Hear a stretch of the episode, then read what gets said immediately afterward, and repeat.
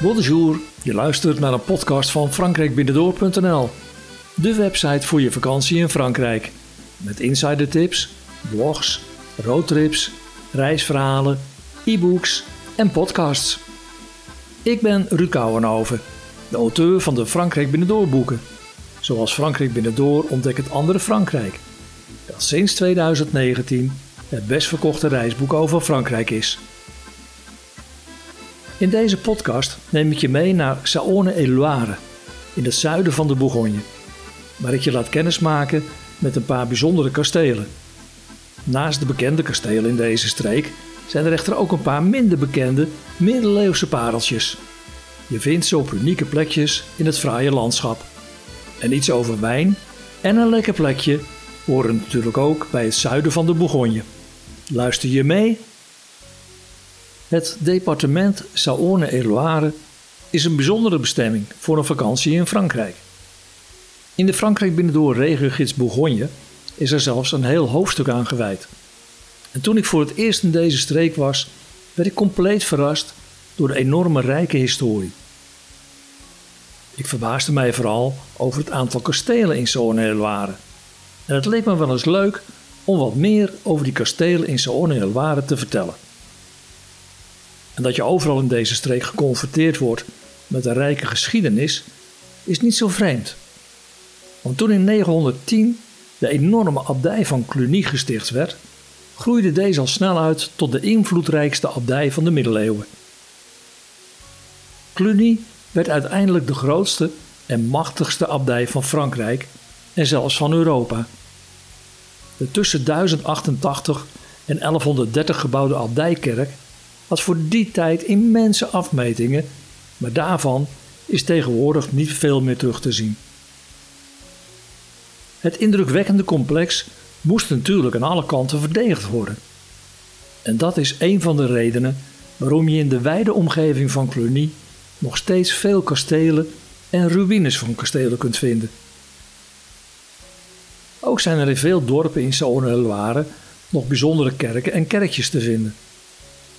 De beste tip die ik je eigenlijk kan geven is om eens rond te toeren over de rustige binnenwegen en op zoek te gaan naar de kastelen in Saône-et-Loire. Je kunt natuurlijk ook op de fiets of e-bike stappen, want Saône-et-Loire is ook een streek waar je fantastisch kunt fietsen. Maar daarover lees je meer in de regiogids Bourgogne en op de website. Ik je tips voor een paar bijzondere en niet zo bekende kastelen in Saône-et-Loire ga geven, ga ik je eerst wat vertellen over een paar kastelen die niet voor niets nogal populair zijn. Het Château de Cormatin is een bijzonder renaissance kasteel dat dateert uit de 17e eeuw. Het staat vooral bekend om het interieur en de fraaie tuinen. En dit kasteel ligt niet ver van Cluny en vlakbij de Voivert tussen Buxy en Cluny. Je kunt er dus ook op je gemak naartoe fietsen. Binnen heeft het kasteel misschien wel een van de mooiste kasteelkamers van Frankrijk. En deze stamt nog uit de tijd van Louis XIII. Buiten valt ook veel te zien, want de kasteeltuinen behoren tot de meest bijzondere van Frankrijk. En in de jaren 70 werden deze gerenoveerd en aangelegd zoals deze ooit bedoeld waren. Ben je een tuinliefhebber? Dan is dit kasteel een leuke plek om eens te bezoeken. Château de Sully is een kasteel bij het dorpje Sully, dat op de grens van Saône-et-Loire en de Côte d'Or ligt. Je vindt het grofweg tussen Autun en de wijngaarden van Boon. Het is een middeleeuws kasteel met een imposante omvang. Het ligt op een terrein dat bijna groter is dan het hele dorp. En hou je van kastelen, dan is dit de moeite waard om te bezoeken. Het kasteel wordt trouwens bewoond door de hertogin de Magenta. En zij is een nazaat van de oorspronkelijke bewoners. Het Château de Dré wordt vooral geprezen om de bijzondere tuinen en de kunstcollectie. Het kasteel stamt uit de 17e eeuw en kwam in 1995 in handen van de huidige eigenaar. Hij restaureerde het kasteel volledig en richtte de kamers opnieuw in. En hierdoor heeft de inrichting nu de stijl van de 18e eeuw. En de unieke tuinen werden opnieuw aangelegd door gespecialiseerde Franse landschapsarchitecten. En dan is er ook nog het indrukwekkende Château de la Clayette. Dit kasteel met indrukwekkende architectuur en interieurs ligt in de streek van de Charolais-Brionnais en werd gebouwd aan de rand van een meer. De ligging is heel pittoresk en hou je van kastelen, dan is in het zuiden van de Bourgogne dit een kasteel dat je absoluut gezien moet hebben. Net als in de Loirevallei vind je dus ook in de Bourgogne de nodige kastelen. dat op zich is natuurlijk niet zo vreemd, want Bourgogne was van oudsher de streek van de Franse adel en koningen. Maar in het zuiden van de Bourgogne werden met name in Saône-et-Loire kastelen gebouwd ter verdediging van de gigantische abdij van Cluny. Van de abdij zelf is niet zo heel veel meer over, maar in het altijd gezellige plaatsje Cluny krijg je wel nog een indruk van de omvang. De kerk had een lengte van 180 meter en was ooit de grootste van Frankrijk. Volgens kenners zelfs van Europa en misschien zelfs wel van de hele wereld. De monniken van Cluny waren slimmerikken die ook nog eens verstand van wijn hadden. En daardoor zijn er in de hele streek tal van wijngaarden die hun oorsprong vinden uit de glorietijd van de abdij van Cluny. Ook waren ze in staat om bestaande wijngaarden te verbeteren en waardoor de kwaliteit van de wijn een sprongen vooruit ging.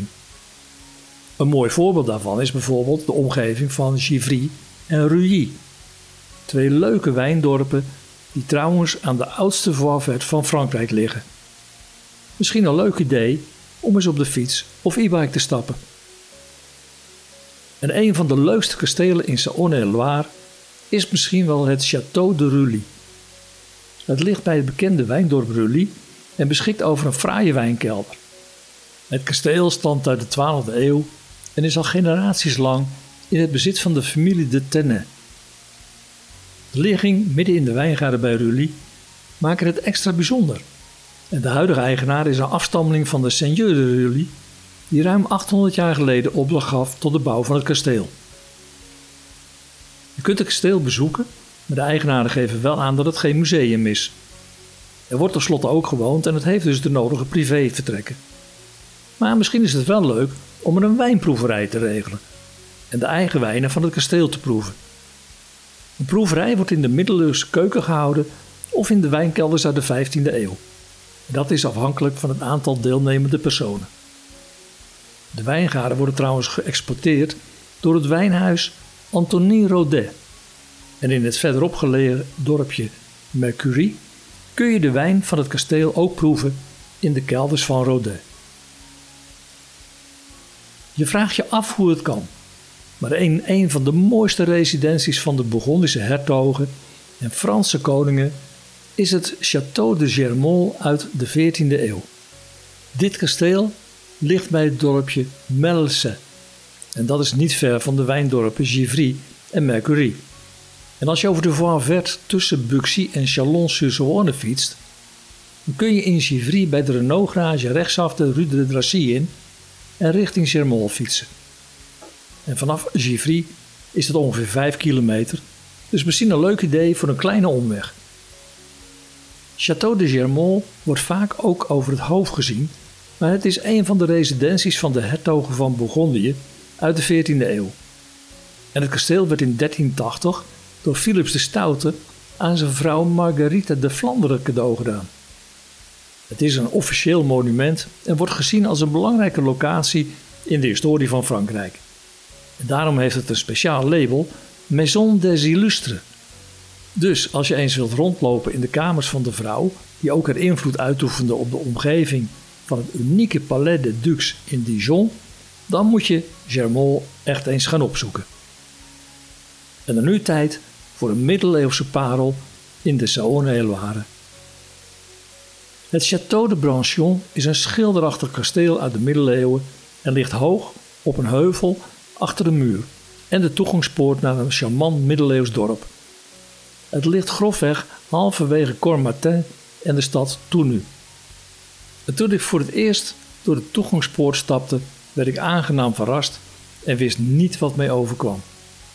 Ik had de tip gekregen van de eigenaresse van een gîte waar we wel eens verbleven. En daarvoor ben ik haar nog steeds dankbaar en bewaar dankzij haar mooie herinneringen aan deze bijzondere plek. Brancion is een klein ommuurd middeleeuws dorp met een kasteel. En de auto moet je iets buiten het dorp parkeren en na een korte wandeling kom je door de stadspoort in een heel andere wereld. In hoofdstuk 11 van de regengids Bourgogne staat een roadtrip door de Mâconnais van ongeveer 100 kilometer. En daarmee kom je ook in Brancion. In aantekening uit 1102 is te herleiden dat het als verdedigingsfort werd gebouwd. En nadien werd het kasteel in de loop der eeuwen diverse keren versterkt. De ligging op de rand van een steile heuvel was in de woelige tijden ideaal om te verdedigen. En het uitzicht is er nu fenomenaal. Ik kreeg de tip om er aan het eind van de middag naartoe te gaan. Waarom? Dat werd mij duidelijk toen ik er rond 6 uur s'avonds aankwam. Het zonlicht schijnt dan prachtig over de omgeving en geeft alles een fraaie goudkleurige gloed. Er moet natuurlijk wel een zonnetje schijnen, maar dat deed het toen ik er was. Het kasteel zelf werd van een versterkte vesting in de loop der tijden veranderd in een minder Spartaans woonverblijf. En wat je vandaag de dag in het Château de Brancion kunt zien, zijn vooral de invloeden van de Renaissance. In de 19e eeuw werd het vervallen hal toegeroepen. En tegenwoordig is het een officieel monument. Vanaf de torens heb je een heel mooi uitzicht, maar ik kan je aanraden om ook het kleine, maar vooral fijne dorp te bekijken. Bijzonder daar is de oude middeleeuwse markthal. Als je vanaf het kasteel komt aanlopen, zie je direct de ingang van de markthal. Het bijzondere is dat deze deels in de heuvel is gegraven, waardoor de achterzijde maar een klein stukje boven de grond uitsteekt. En dat is iets wat ik nog nooit in Frankrijk gezien heb. Echt heel bijzonder. Maar de echte verrassing van Brancion is wat mij betreft niet het kasteel, maar het oude kerkje aan de rand van de heuvel. De Église Saint-Pierre ligt echt op een wereldplek. De ingang is gericht naar het dal en als je eenmaal binnen bent, laat je dan verbazen door het sobere karakter. En het eerste wat opvalt zijn er nog heel goed zichtbare fresco's uit de 12e en 13e eeuw. Overigens zijn deze fresco's een aantal keren gerestaureerd, maar het resultaat is verbluffend. Er is ook een beeldenis te zien van Josserand Trois Gros de Branchon, die seigneur van Branchon was. Hij ging ooit mee met de zevende kruistocht, maar overleefde deze niet. Zijn zoon wist zijn lichaam terug te brengen naar Frankrijk en daar werd Josserand elders begraven. Het kerkje maakte op mij een behoorlijke indruk en toen ik daarna naar buiten ging en in het avondlicht de vallei inkeek, was dat heel bijzonder. Echt een prachtige plek om eens te bezoeken. Een bezoek aan het kasteel is niet gratis, maar aan het bijzondere dorpje wel. En hou er rekening mee dat na half zeven s'avonds het kasteel gesloten is en meestal de deur van het kerkje ook op slot gaat. En dan nog een laatste bijzonder kasteel. En dat is het middeleeuwse kasteel van Berger-le-Châtel. Het is privébezit, maar kan worden bezocht. La plus grande forteresse de la Bourgogne du Sud staat er trots op de website van Château de Berger-le-Châtel. Het kasteel is niet zo bekend bij toeristen en juist daarom heel leuk om het eens te bezoeken. Ik kwam er naar uitnodiging van een Française die er in de buurt woont. En na een heerlijke lunch in de omgeving vroeg zij of ik iets bijzonders wilde zien. Nou, daar ben ik natuurlijk altijd wel voor te porren. En dus reden we met alle tafelgenoten naar het dorpje Berger-le-Châtel. Alleen al de rit naartoe over de rustige en smalle binnenwegen van de Mâconnais was een hele belevenis. Het dorp zelf heeft ongeveer 70 inwoners, waaronder ook de familie die op het kasteel met zijn 14 torens woont. Ik betaalde in september 2023 6 euro per persoon en elke euro was het dubbel en dwars waard. En dit kasteel is ook leuk om met kinderen te bezoeken, want naast de tuinen en de terrassen die binnen de muren liggen, kun je met een leuke beschrijving een route volgen. Deze gaat over spannende trappen op en af en je komt in een oude kapel. Ook de kelders waar met speciale technieken de vijand verslagen kon worden, zijn te bezoeken en te bekijken. Er is verder een wapenkamer waar je verschillende wapens uit de middeleeuwen kunt zien en gaandeweg kom je veel te weten over deze bijzondere plek. De ligging van dit kasteel, of beter gezegd het fort, was heel strategisch. Je kijkt eruit over de vallei van Lamartinière en vanaf de terrassen richting het zuiden kun je bij helder weer zelfs de Roche de Solutré zien.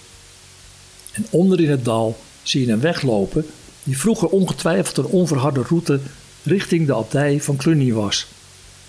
Het kasteel zal dan ook ooit gebouwd zijn om deze abdij te verdedigen.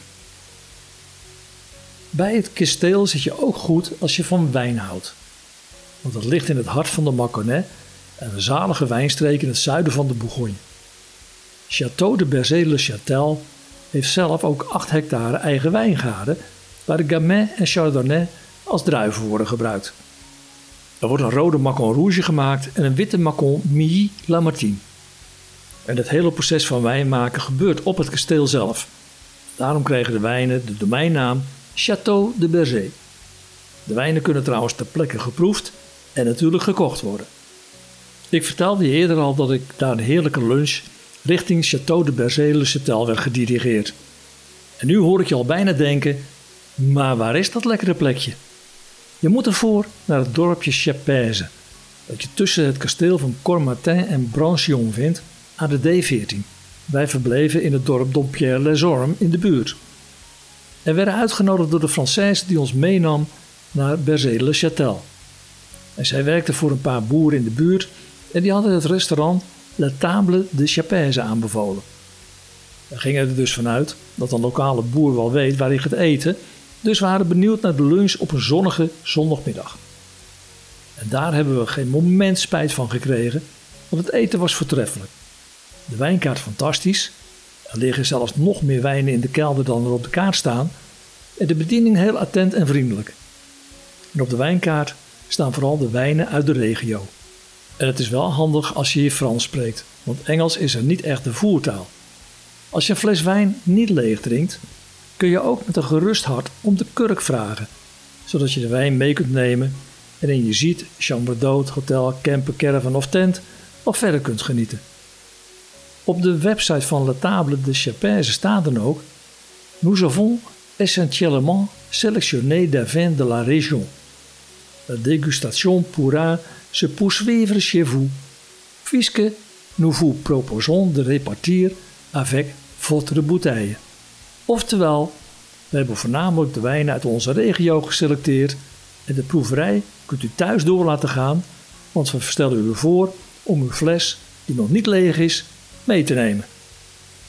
Dit leuke restaurant ligt ook weer naast een prachtig oud kerkje, dus wie weet hebben vroeger de monniken van Cluny hier na de dienst op zondag ook nog wel een vorkje geprikt.